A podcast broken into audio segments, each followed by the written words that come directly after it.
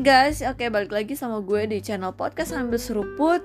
Iya, untuk kali ini gue akan ngebahas salah satu sindrom yang dialami oleh ya para orang tua dewasa akhir yang uh, apa ya, yang mulai ditinggalkan oleh anak-anaknya. Iya, ini bukan ditinggalkan secara kasar ya.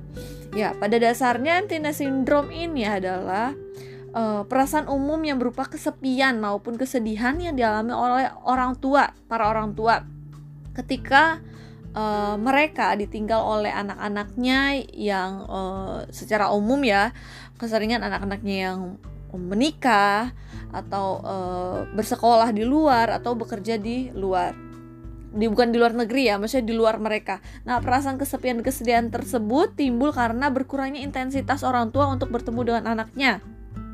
Nah, selain itu emptiness in emptiness atau uh, sindrom atau sindrom sarang kosong itu sendiri adalah soal, salah satu gangguan patologis yang muncul ketika anak-anak telah tumbuh dewasa. Anak-anak dari uh, mereka tersebut tumbuh menjadi dewasa dan kemudian meninggalkan rumah. Nah, Emptiness syndrome ini bukanlah salah satu diagnosis klinis, akan tetapi termasuk hal wajar yang terjadi pada siklus uh, kehidupan seseorang, terutama uh, individu yang uh, biasanya pada dewasa akhir lah ya, atau uh, orang tua orang tua yang uh, anak-anaknya udah mulai uh, sering lebih sering beraktivitas di luar, jadi uh, jarang ada di rumah lah. Nah apa sih uh, signs or symptoms atau tanda-tanda atau gejala-gejala yang ada pada uh, uh, pada seseorang yang uh, menderita atau terkena uh, emptiness syndrome ini.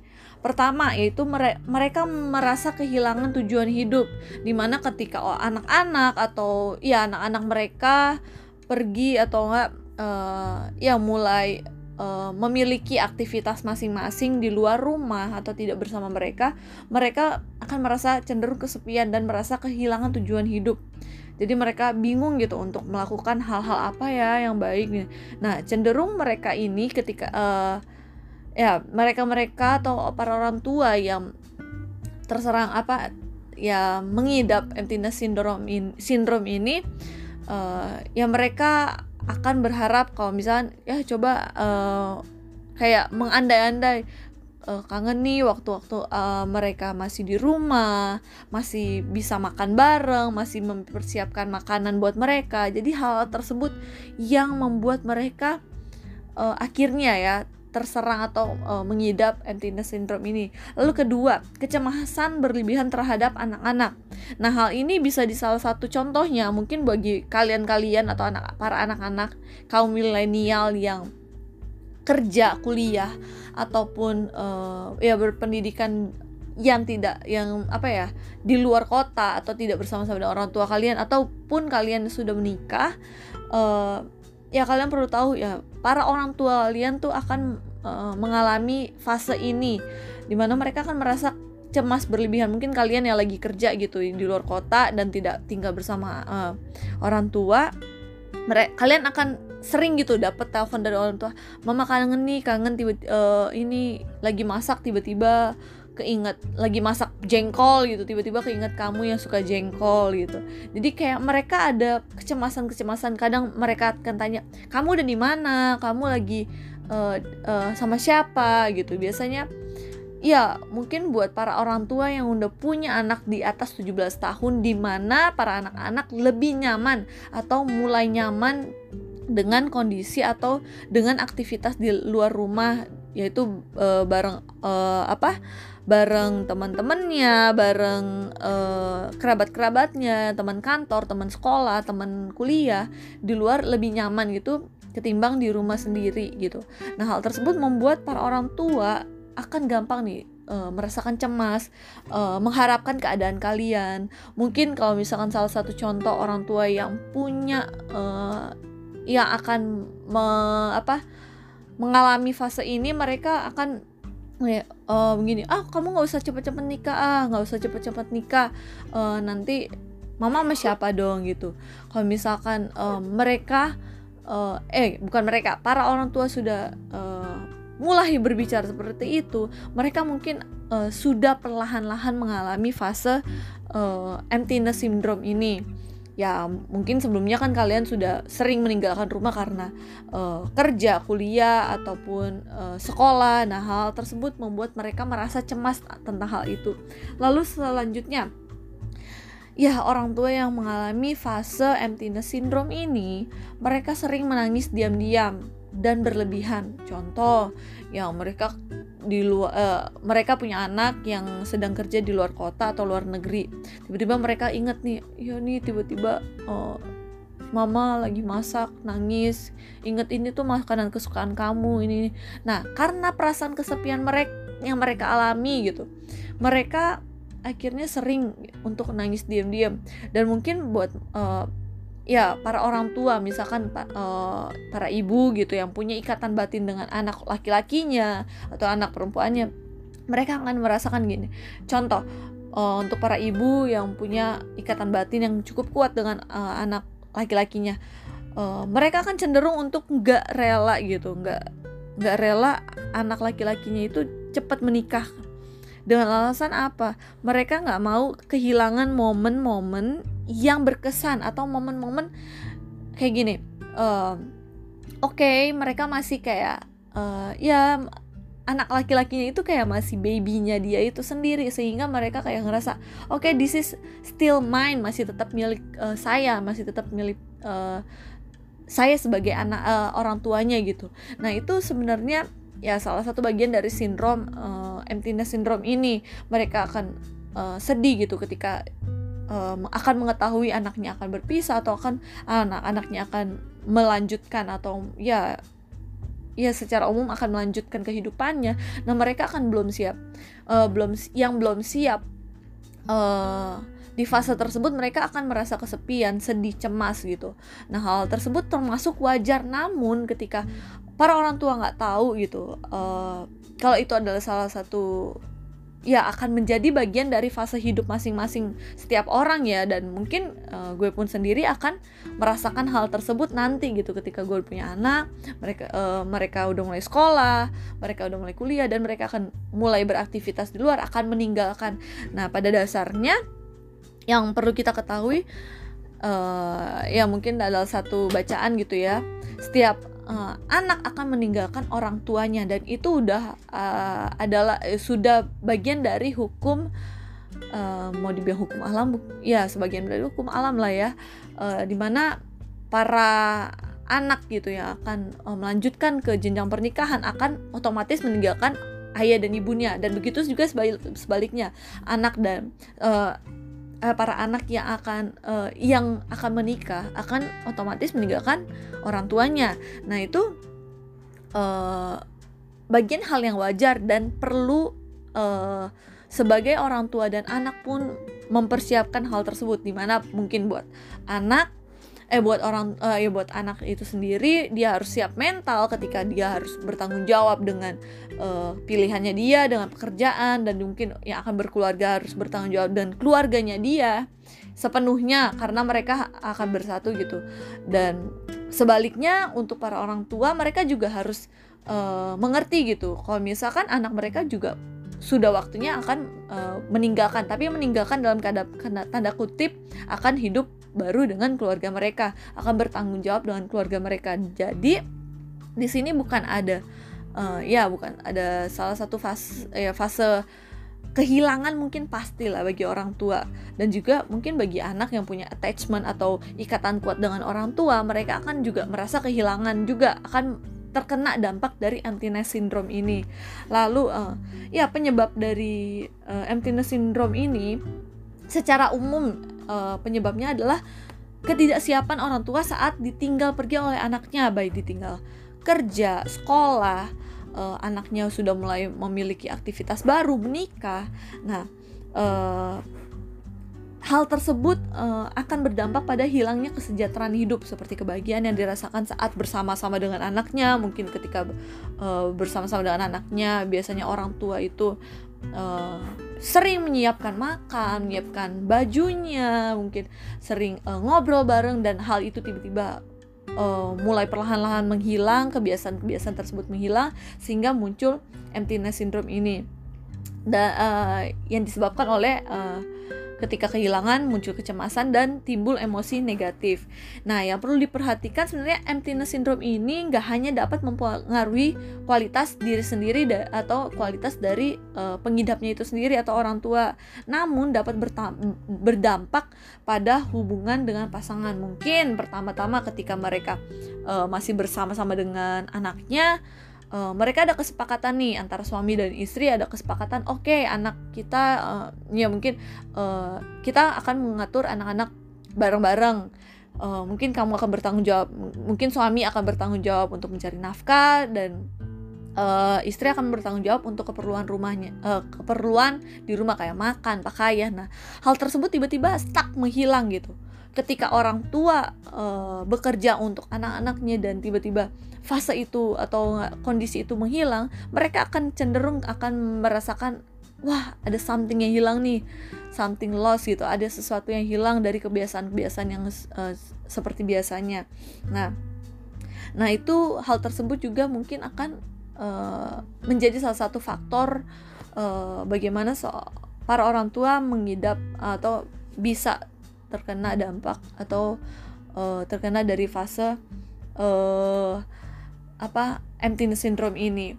Lalu ketika kita mengetahui uh, para orang tua yang mungkin uh, terkena emptiness syndrome ini, gimana sih cara penanganannya? Pertama, uh, buat uh, kalian sebagai orang tua dan buat kalian sebagai anak, uh, mungkin bisa uh, har bukan bisa harusnya tahu gitu bagaimana cara cara menangani atau gimana kita mulai mempersiapkan uh, penanganan atau uh, mencegah lah setidaknya mencegah walaupun pasti ada gitu fase itu ada tapi setidaknya mengurangi dampak negatifnya yaitu pertama penanganannya itu dengan uh, ketika orang tua bisa men, uh, tetap menjaga komunikasi dengan anak sebagai cara untuk mengatasi rasa kesepian atau perasaan sedih itu sendiri. Nah, rasa khawatir akan keadaan anak mungkin dapat diminimalisir dengan cara menghubungi anak itu uh, secara rutin. Namun perlu dibah uh, perlu diperhatikan bahwa anak kita mungkin juga mempunyai kesibukan yang harus dijalani. Nah, di sini uh, ya sebagai orang tua dan anak perlu uh, untuk walaupun anak di luar kota tetap keep in touch gitu, tetap perlu berkomunikasi itu sangat perlu. Meskipun dia udah punya keluarga sendiri dia eh, mungkin uh, dia punya uh, pekerjaan gitu di luar kota dia hidup di luar kota ataupun dia udah punya keluarga sendiri nah wajib bagi seorang anak ataupun orang tua tetap saling berhubungan. Nah sekarang didukung dengan adanya teknologi sangat membantu gitu kan apalagi video call gitu kan sangat membantu. Dan ini uh, tetap berhubungan dan bukan berarti uh, berhubungan dalam arti ya kayak ikut campur gitu. Misalkan kayak orang uh, yang sudah berkeluarga ikut campur urusan keluarganya no. Tapi lebih kepada bagaimana cara uh, orang tua itu kayak menanyakan kabar. Dan juga sebagai anak bagaimana mereka memberi kabar gitu kepada orang tua. Nah kedua uh, beraktivitas bersama orang yang memiliki kesamaan hobi. Nah coba kalian uh, sering lihat gitu ya orang-orang yang orang tua orang tua yang uh, apa ya yang anak-anaknya mungkin udah mulai beraktivitas di rumah mereka pasti punya minimal geng gitu geng-geng atau enggak teman arisan atau enggak teman-teman satu komunitas atau enggak ya contohnya buat para lansia yang uh, cenderung udah sering ditinggal ya udah pasti sering ditinggal sama anak-anaknya yang sudah menikah mereka pasti punya teman-teman atau enggak salah satu komunitas yang memiliki kesamaan hobi. Contohnya kayak uh, seseorang punya di grup uh, Facebooknya grup pecinta anjing, grup pecinta kucing, uh, suka uh, musik klasik. Nah mereka akan bergabung dengan uh, seperti itu. Nah orang tua yang tinggal tidak bersama anak-anak dapat mencari cara uh, untuk mendukung emosionalnya melalui teman atau saudara. Nah salah satu caranya itu dengan melakukan hobi bersama-sama atau bareng. Nah semakin uh, banyak kegiatan yang diikuti oleh uh, atau dilakukan oleh para orang tua akan semakin meningkat pula kualitas hidupnya.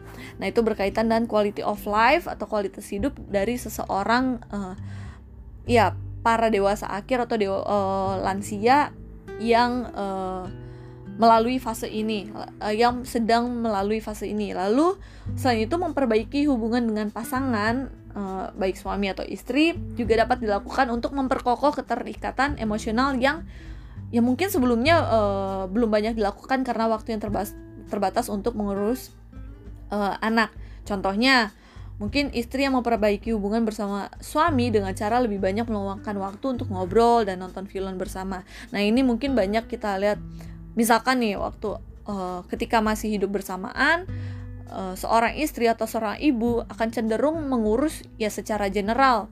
Ya mungkin suami juga akan uh, dibagi kasihnya uh, bukan ya gimana ya cara jelasinnya ya mungkin uh, ya pada saat anak-anak masih dalam satu rumah ya seorang ibu akan mengurusi suami dan uh, anak-anaknya.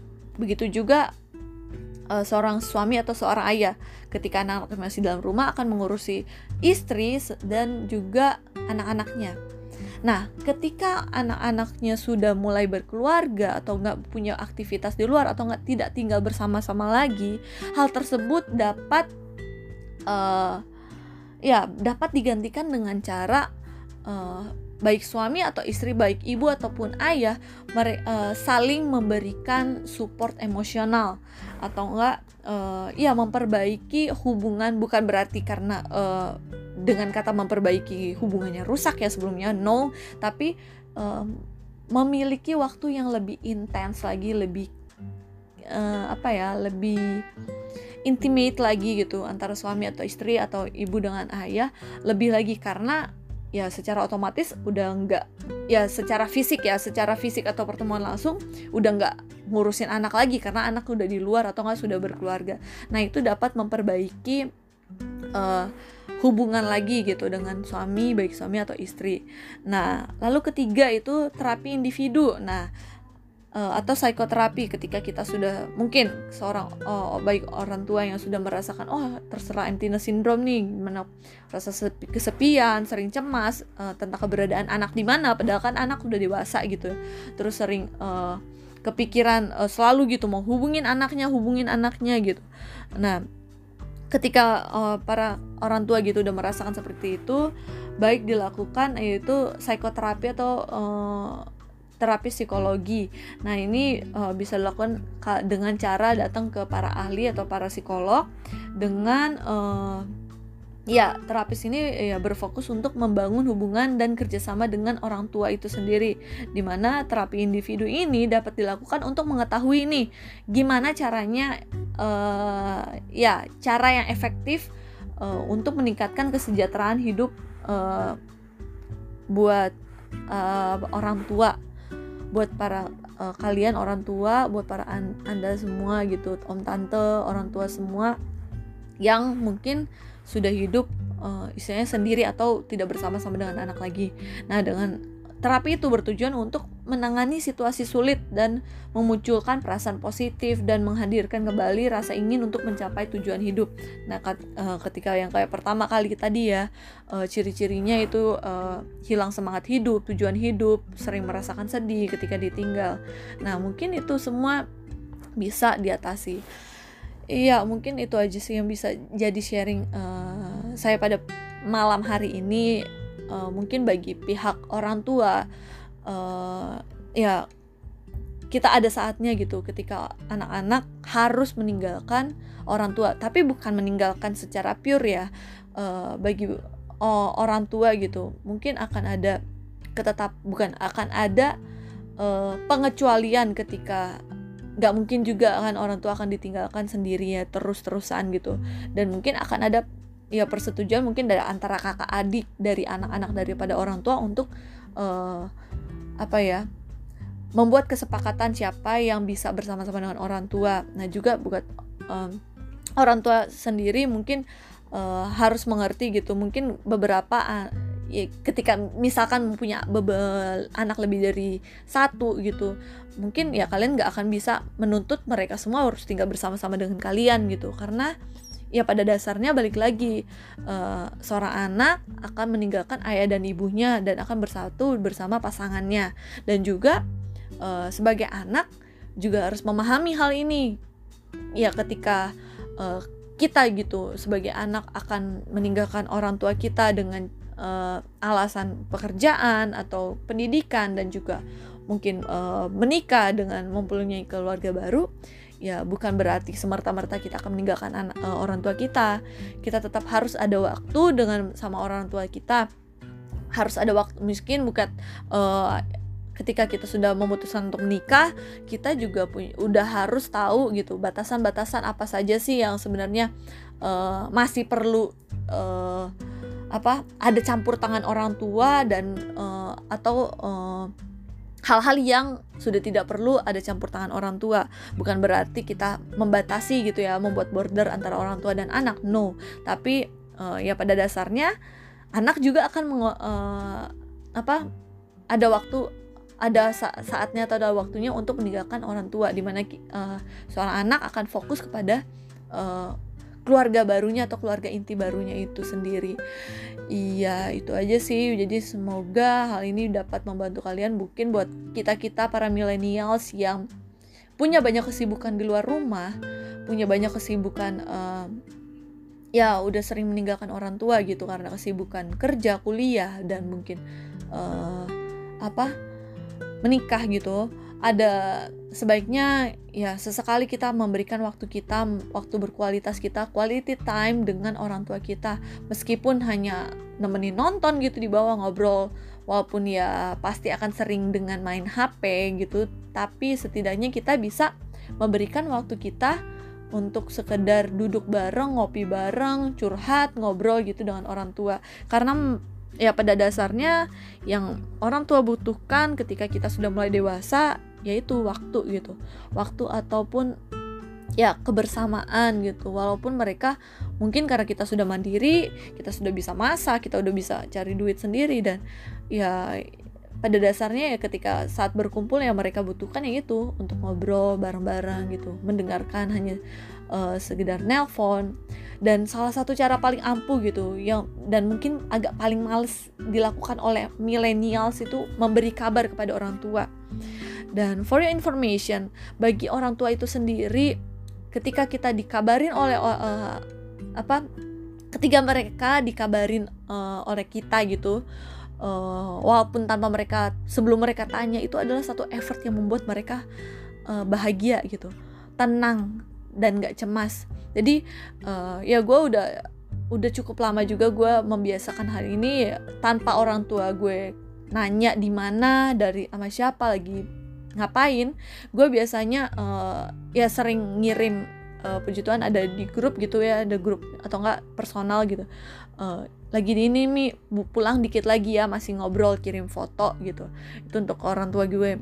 Mi uh, misalkan akan terlambat pulang gitu terlambat pulang atau uh, karena misalnya lagi nongkrong atau lagi bareng teman atau lagi baru pacar gitu, uh, gue sering ya sebelum mereka tanya sebelum mereka kabarin ya sebisanya gue ngabarin dulu gitu kayak uh, mi masih di sini masih lagi nonton pulangnya ntar lagi ya mau mampir makan gitu. Nah sebelum mereka tanya ya sebisanya ya kita sebagai anak jangan membuat mereka terlebih dahulu cemas gitu atas, atas keberadaan kita.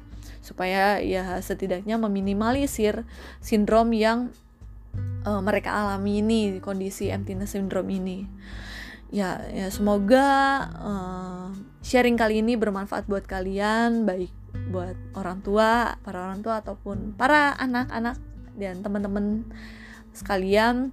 Semoga kita saling bisa saling mengerti gitu antara posisi sebagai orang tua dan juga sebagai anak. Itu aja yang bisa gue sharingin pada kali podcast pada kali ini. Semoga dapat bermanfaat. Thank you for listening and see ya di next podcast. Bye and God bless you.